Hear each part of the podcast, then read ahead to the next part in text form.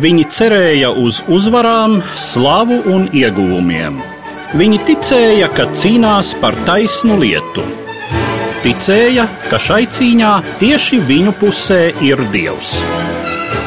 Viņi iemantoja izpostītus novadus un sakropļotas miesas, sāpes, vilšanos, nāvi. Viņi, Eiropieši pirms simts gadiem. Lielais vēstures pagrieziens, Pirmais pasaules karš.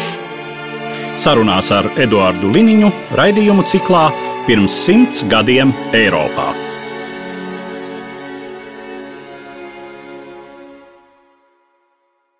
Labdien, cienījamie klausītāji! Mans sarunbiedrs studijā kara muzeja pētnieks Dainis Poziņš. Labdien! Labdien. Verdēnas kauja tiek pieminēta kā ilgākā cilvēces vēsturē, un patiešām grūti pat to aptvert, bet tā ilgst desmit mēnešus no 1916. gada 21. februāra līdz 20. decembrim. Attiecīgi arī upuru skaits ir pirmkārt jau ļoti liels, otrkārt skaitļi ir diezgan aptuveni, sākot no vairāk par 700 tūkstošiem līdz tiek pieminēti pat pusotrs miljons. Droši vien tas liek uzdot pirmām kārtām jautājumu, kā mēs formulējam kauju. Pateicoties kam šāds veselus desmit mēnešus ilgs process tiek tomēr definēts kā viena kauja. Kaujas ilgums ir dažādos laikos, dažādos vēstures periodos stipri plašs jēdziens, un no kaujas definīcijā uz laiku vien nevar orientēties. Ir pat jaunāko laiku vēsturē termins kauja par Atlantijas okeānu, kas ir faktiski vairāk gadu kampaņa cīņā starp sabiedrotajiem nacistiskās Vācijas zemūdeņu floti. Tā kā laiks nav galvenais kritērijs, kas nosaka to, vai mēs militāru cīņu devējam par kauju vai nē. Galvenais kritērijs ir tas, kāda ir militārajā operācijā izvirzītie uzdevumi un kad tie tiek sasniegti, kad militāra operācija sākās un kad karojošās puses noslēdz. Un tas arī faktiski ir tā īstā robeža šķirtne, ko mēs saprotam ar vārdu kauja. Un tas var būt no burtiski dažām desmit minūtēm, ļoti ārkārtīgi īsts sadursmes, līdz pat tādiem ilgstošiem notikumiem, kāda bija Verdenes kauja. Tad jau ir jāuzdod arī jautājums, kādi tad bija uzbrukošās puses, kas šajā gadījumā ir Vācija kaujas operācijas mērķi, un Kas tad noteica to, ka uzbrukums tieši šeit, kas noteica Verdēnas nocietinātā rajona nozīmi? Lai es labāk saprastu to situāciju, kāda izveidojās pirms Verdenes kaujas, mums ir jāapskatās kopējā situācija Pirmajā pasaules karā un tā dažādajās frontēs. 1915. gads kopumā bija Vācijai un tās sabiedrotajiem ļoti veiksmīgs gads. Balkānos tā ir neapšaubām Serbijas sakāve.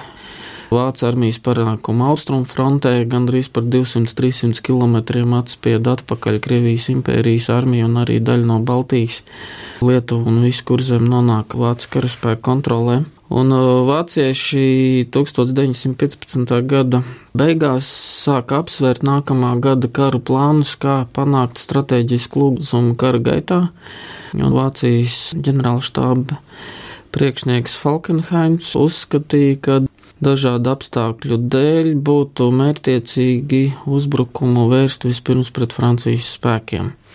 Un Verdene Franču armijas noturētajās pozīcijās bija svarīga, tāpēc, ka Verdenes pozīcijās veidojās tāds tā kā izvirzījums, un ja Francijas karaspēks veiktu tādas agresīvas uzbrukuma operācijas, tad tas Verdenes pusloks apdraudēja Vācu armijas flangu, un savukārt pati Verdena bija pietiekami svarīgs aizsardzības rajons Franču armijai, lai tā būtu ieinteresēta Verdeni sargāt par katru cenu, un vācu plāns bija pavisam vienkāršs. Sākt uzbrukuma operāciju, ieņemt augstienes Verdenes tūmā, ar artilērijas uguni neutralizēt Verdenes pozīcijas un Verdenes pilsētu, un frančiem tad būtu motivācija šos pozīcijas atgūt, un šajos pretuzbrukumos, ko veikt franču armija, vācu karaspēks novājinātu Franciju tīri dzīvā spēka ziņā. Un tas bija tas plāns jau no paša sākuma, bija iecerēts kā ilgstoša militāra operācija ar mērķi novājināt Franciju.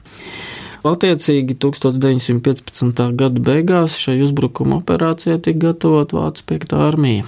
Operācija tika gatavota lielā slepenībā, cik nu tas bija iespējams. Francijas pavēlniecībai bija zināma nojausma, ka kaut kas gatavots, bet nebija īsti skaidrības, kur tieši būs pats galvenais trieciens. Un Sākotnēji vērtējot vācu karaspēku pārvietošanos, uzskatīja, ka Verdenes virziens būs otršķirīgs karadarbības rajons, bet kā Vēlāk izrādījās Verdena kļuva par vienu no vislielākajām kaujām cilvēces karu vēsturē ar ļoti tālajošām sekām.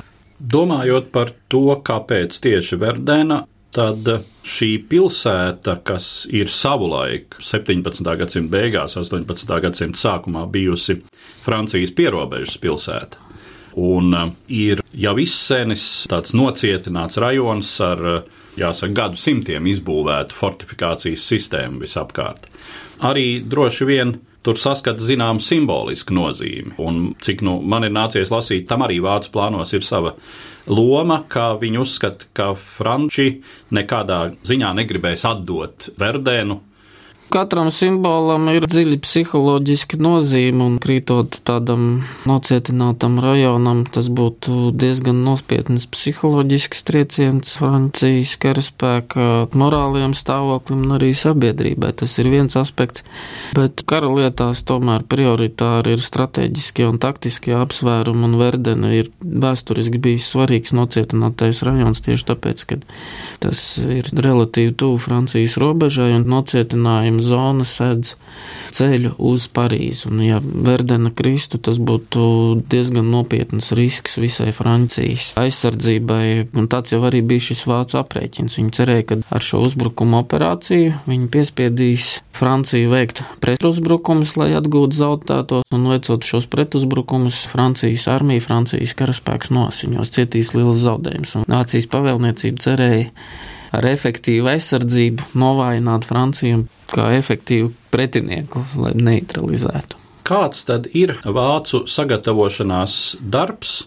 Pirms šīs kaujas skaidrs, ka tiek organizēts skaitliskais pārsvars, pārsvars ugunsjaudā, bet ir arī novitātes uzbrukuma taktikā. Vācu pavēlniecība ievieš vairākus būtiskus jaunievedumus. Pirmkārt, svarīgi bija ne tikai nodrošināt pārsvaru uzbrukumu sektoros, bet arī kā tika organizēta karaspēka izvēršana, kā tika nodrošināta slepenība un viens no tādiem jaunievedumiem Pirmā pasaules kara apstākļos, kad uh, Vācu pavēlniecība neveica inženieru sagatavošanās darbus pozīciju tūmā, lai speciāli nepievērstu Francijas izlūkdienestu un armijas pavēlniecības uzmanību. Pusotru divu kilometru attālumā nekādas aktivitātes netika veiktas un tika uzskatīts, ka artilērija izlauzīs ceļu arī karaspēks tika koncentrēts ar ļoti racionālu pieeju, lai frontes tūmā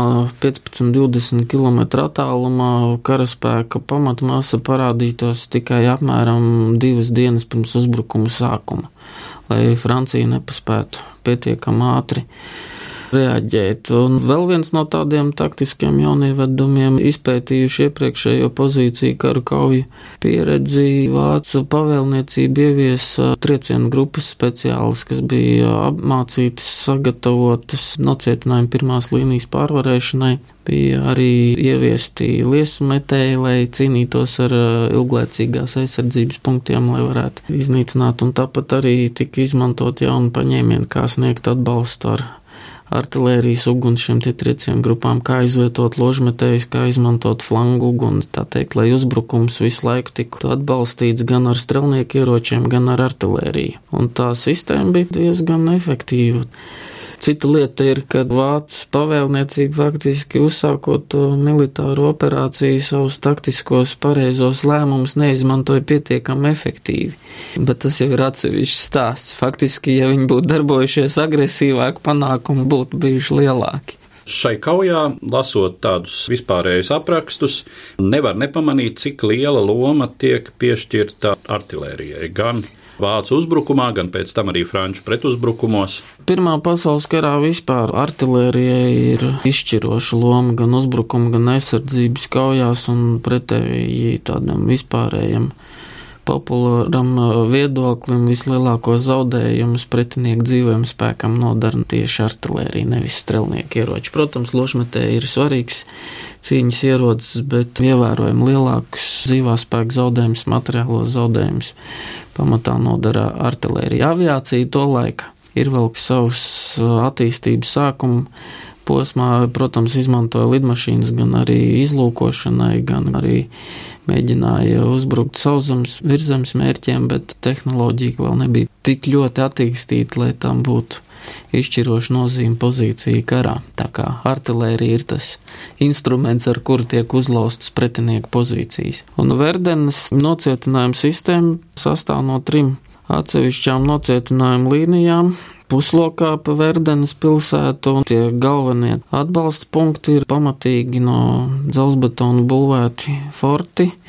Tas ir izvietoti tādā attālumā, lai viens otru varētu atbalstīt ar sadzošu artērijas uguni, un tie svarīgākie forti, par kuriem arī notika vis tās lielākās cīņas, ir divi - Domon un Vo forti, kas ir franču aizsardzības līnijas mezglu punktu, pret kuriem vācieši arī veic to galveno triecienu. Jūs jau pieminējāt, ka sākumā ir viedoklis franču virspavēlniecībai, ka tas ir uzmanības novēršanai domāta sekundāra operācija.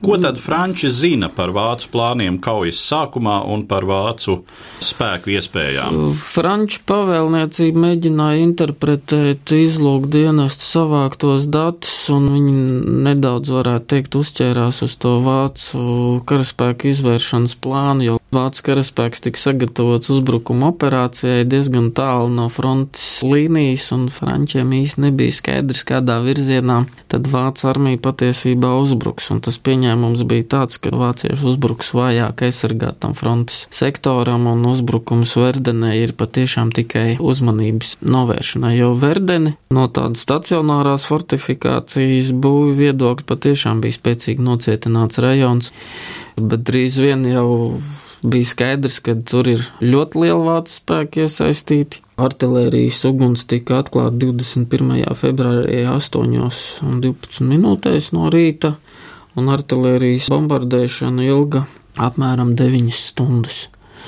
Koncentrēta artērijas uguns piedevām tika apšaudīta gan aizmugures pozīcijas, gan forti, gan frontes līnija, tā kā tika dezorganizēta gan aizsardzības līnijas, komunikācijas starp franču vienībām, pāraudzes sakaru līnijas, un apmēram stundu pirms uzbrukuma sākuma visu vācu artērijas uguns tika sakoncentrēta tieši uz priekšējās līnijas pozīcijām Vācu karavīriem pirmo aizsardzības līniju galvenajos triecienu virzienos izdevās ieņemt ļoti ātri. Un tas sākās tas paradoks. Vācu pavēlniecība nenoticēja savam panākumam pietiekami ātri un pazaudēja laiku, jo pirmajā dienā karaspēkam nebija dots uzdevums iet uzreiz uz otro līniju. Viņi vakarā pārtrauc uzbrukumu, pirmo līniju esam ieņēmuši, un turpmākajās dienās franču pavēlniecība mazliet attapās, un otrajā, trešajā līnijā šī aizsardzība pieņēmās spēkā, un ar katru nākamo dienu vācu armijai tikt uz priekšu bija arvien grūtāk. Protams, iepriekš pieņemtie pasākumi jau gal galā ļāva uzveikt gan tos fortus, un kauja sadalījās pa vairākiem etapiem. Tas Pirmais spraigākais periods ir tieši 16. gada februārī, marta sākumā, kad arī pirmā un otrā aizsardzības līnija faktiski nonāk vācu rokās, un franču pavēlniecība saprot, ka te ir nopietna lieta, un Francija lielā mērā noreaģēja tā, kā vācieši bija gaidījuši. Tiešām tika iepludināti jauni resursi, jauns karaspēks, bet Francija to darīja gana efektīvi ģenerāļa Petēna pieņemtie pasākumi savu uzdevumu izpildīja. Vācu uzbrukums tika nobremzēts, arī Vācu armijai bija liela zaudējuma, gal galā tas pārvērtās par ļoti ilgu un asiņainu cīņu. Tā kā var pateikt arī, ka lielā mērā Francijai izdevās piespiest noasiņot Vācu armiju. Arī Vācu karaspēkam zaudējumi bija milzīgi gal galā šīs kaujas laikā. Kā tad konkrētāk Franči reaģē un uh, kā viņiem izdodas apturēt šo vācu uzbrukumu? Franči izmanto jau sākumā iepriekš sagatavotos ierakumus, tad, kad ir skaidrs, ka tur ir vācu galvenais trieciens un problēmas ir nopietnas. Franči norganizē vispirms karaspēku un munīcijas krājumu pievešanu. Tas ir tāds tīri loģistikas pasākums un tas pārvēršas tiešām par tādu resursu cīņu. Kurš ātrāk sakoncentrēs spēkus, reorganizēs eh, aizsardzību, atjaunos nocietinājums, kurš panāks pārsvaru konkrētā sektorā. Un Frančiem izdodas pietiekami ātri tos spēkus sakoncentrēt aizsardzībai, lai padarītu vāciešiem šo uzbrukumu operāciju pietiekami sarežģītu. Vācu uzbrukums tomēr turpinās līdz pat vasarai. Bet par ārkārtīgi dārgu cenu arī tur kritušo iet jau pār 150 tūkstošiem zaudētu resursu un artilērija tiek ieguldīta milzīgos apjomos. Verdens kaujas īpatnība ir tāda, ka tā tiešām ir resursu kauja no abu armiju puses. Reorganizējot šo transportu plūsmu no 27. februāra līdz 6. martam, Verdenes aizsardzībai Franči piegādā 23 tūkstoši tonnas munīcijas un 190 tūkstoši karavīrus, un tas tiek izdarīts īsā laikā. Un ar autotransportu palīdzību tas pamatā tiek paveikts. Tas ir liels aizstāvja sasniegums, un faktiski jau ir skaidrs marta sākumā, ka tas vācu sākotnējais plāns ir izgāzies, un tad vācu pavēlniecība mēģina to ideju turpināt realizēt un met te kaujā jaunus un jaunus uzbrukuma resursus. Un plāns vienalga nestrādā. Paša Vācu armija sāk izbaudīt tieši tās pašas zāles, ko viņi bija paredzējuši frančiem. Viņu uzbrukumos cieši liels zaudējums, protams, arī Francijā ir pamatīgas problēmas, jo dažās vienībās ir uh, zaudējuma apjoms milzīgs. Viss no ierīnas līdz pat 75% no sākotnējā personāla. Un tas sāk atstāt iespaidu uz karaspēku noskaņojumu. Sākās kurnēšana, nevēlēšanās iet uz pozīcijām, un Francijas pavēlniecībai vajadzēja veikt diezgan nopietnas pasākums, lai atjaunotu cīņas spējas. Mazāk tas skar Vāciju, Bet kaujas beigās, 16. gada beigās, arī vācu karaspēkā iestājās psiholoģisks pagurums. Un apjukums, ko tad darīt tālāk, milzīgi resursi ir iztērēti, arī propaganda ir strādājusi, un rezultāts tad faktiski ir nekāds. Gal galā atgriežas sākotnējās pozīcijās visi.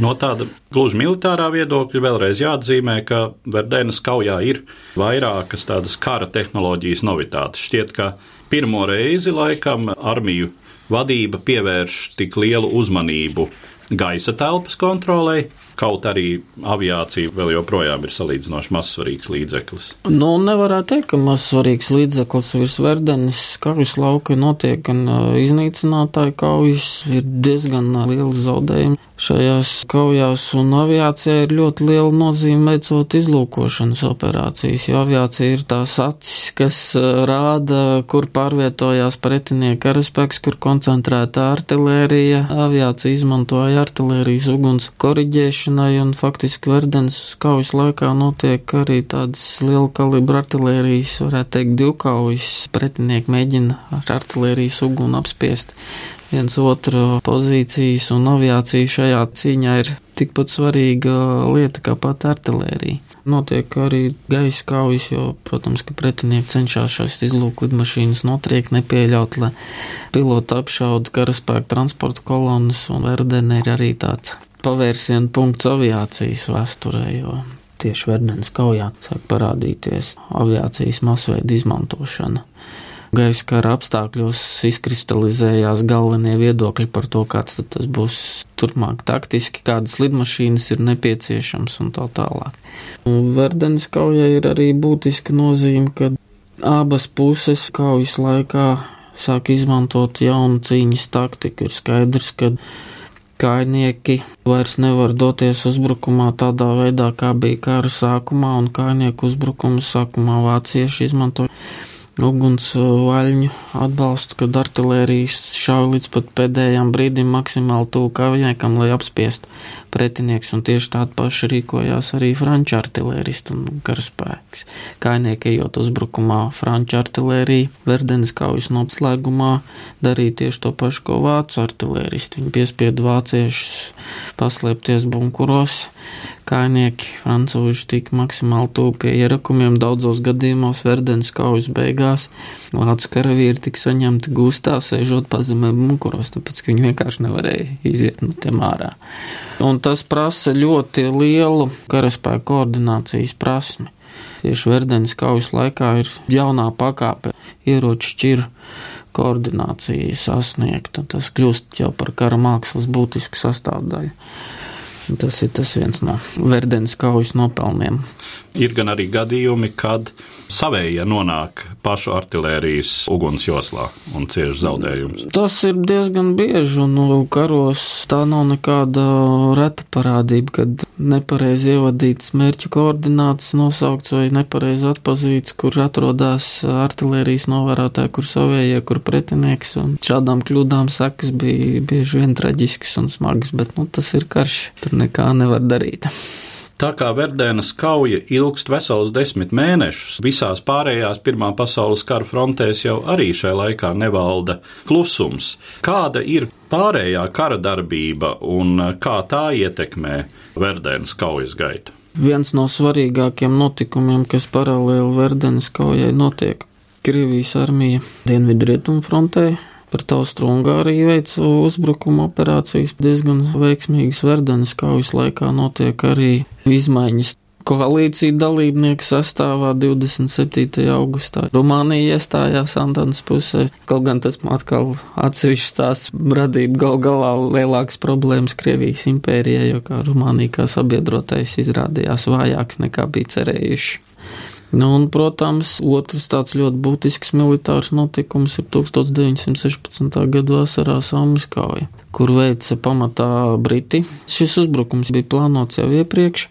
Bet Britu operācija cieta liels zaudējums, bet tas piespieda arī vāciešus izkliedēt spēkus. No tāda kopējā kara viedokļa Vācija, varētu teikt, Verdenes kaujā piedzīvoja neveiksmi, varētu pat teikt, strateģisku sakāvi, jo izvirzītais uzdevums novājināt Franciju piespiest to pie sienas netika sasniegts.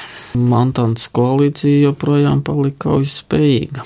Tā kā Verdens kaujā par zaudētāju var uzskatīt Vāciju faktiski. 1916. gada oktobrī, oktobra beigās, Francija sāk pretuzbrukumu, un šais pēdējos kaujas mēnešos Frančiem izdodas atgriezt frontes līniju turpat, kur tā bija gada sākumā. Novembrī, decembrī divos lielos uzbrukuma operācijās Francijas armija faktiski atguva visus zaudētos trešās un otrās līnijas pozīcijas, un līdz 18. decembrim atgriezās tajos ierakumos un kazemātos, kur Verdenes kauja sākās. Tā kā Vācijai un tam plānam novainot uh, Franciju tik lielā mērā, lai Franči nebūtu spējīgi efektīvi turpināt karu, tas mērķis netika sasniegts.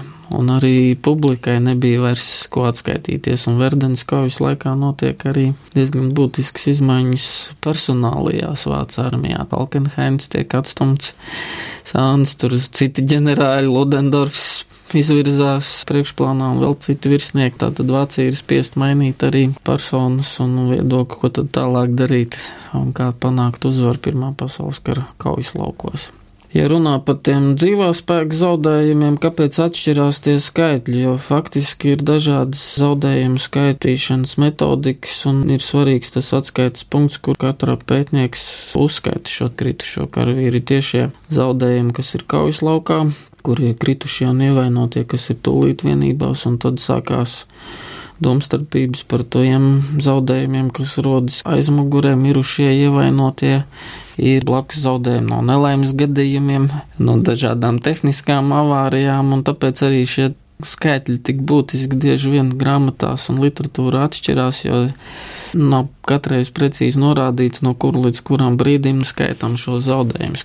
Skaidrs ir tas, ka Verdēnas kauja beidzas ar apmēram vienlīdzīgiem dzīvā spēka zaudējumiem abās pusēs un praktiski bez frontes līnijas izmaiņām galu galā. Jūs jau mazliet pieskārāties šim jautājumam, bet kāda tad ir sabiedrības reakcija vienā un otrā karojošajā pusē uz šādu zemes mēslošanu ar līķiem un asinīm?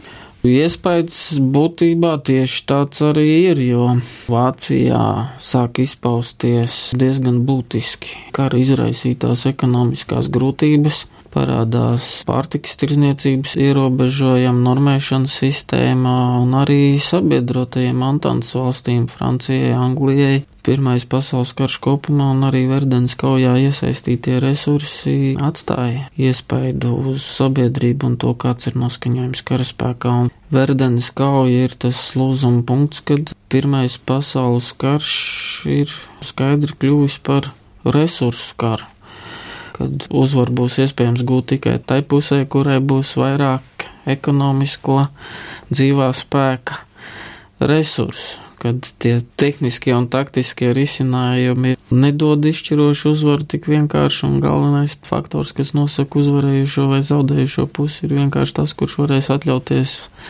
vairāk ieguldīt karā un vairāk zaudēt.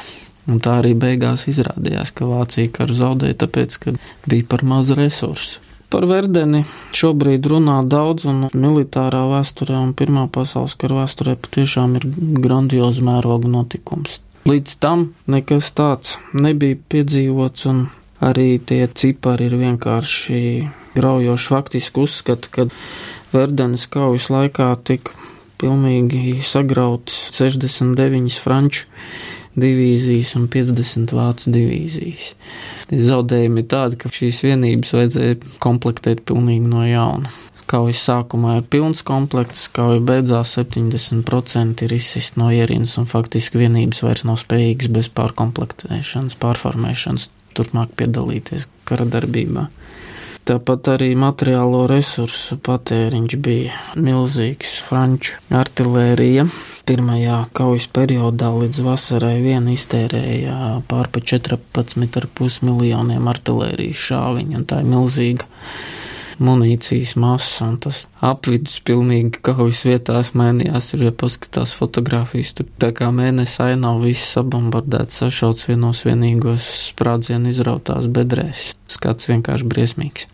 Tas neapšaubām atstāja lielu iespaidu gan psiholoģiski, gan arī tīri taktiski. Pēc Verdenes kaujas nācās diezgan būtiski pārvērtēt kā tad turpmāk karot, kādi nepieciešami tehniskie, taktiskie risinājumi, lai panāktu uzvaru kaujas laukā. Katra puse no karojošām to darīja, protams, mazliet savādāk.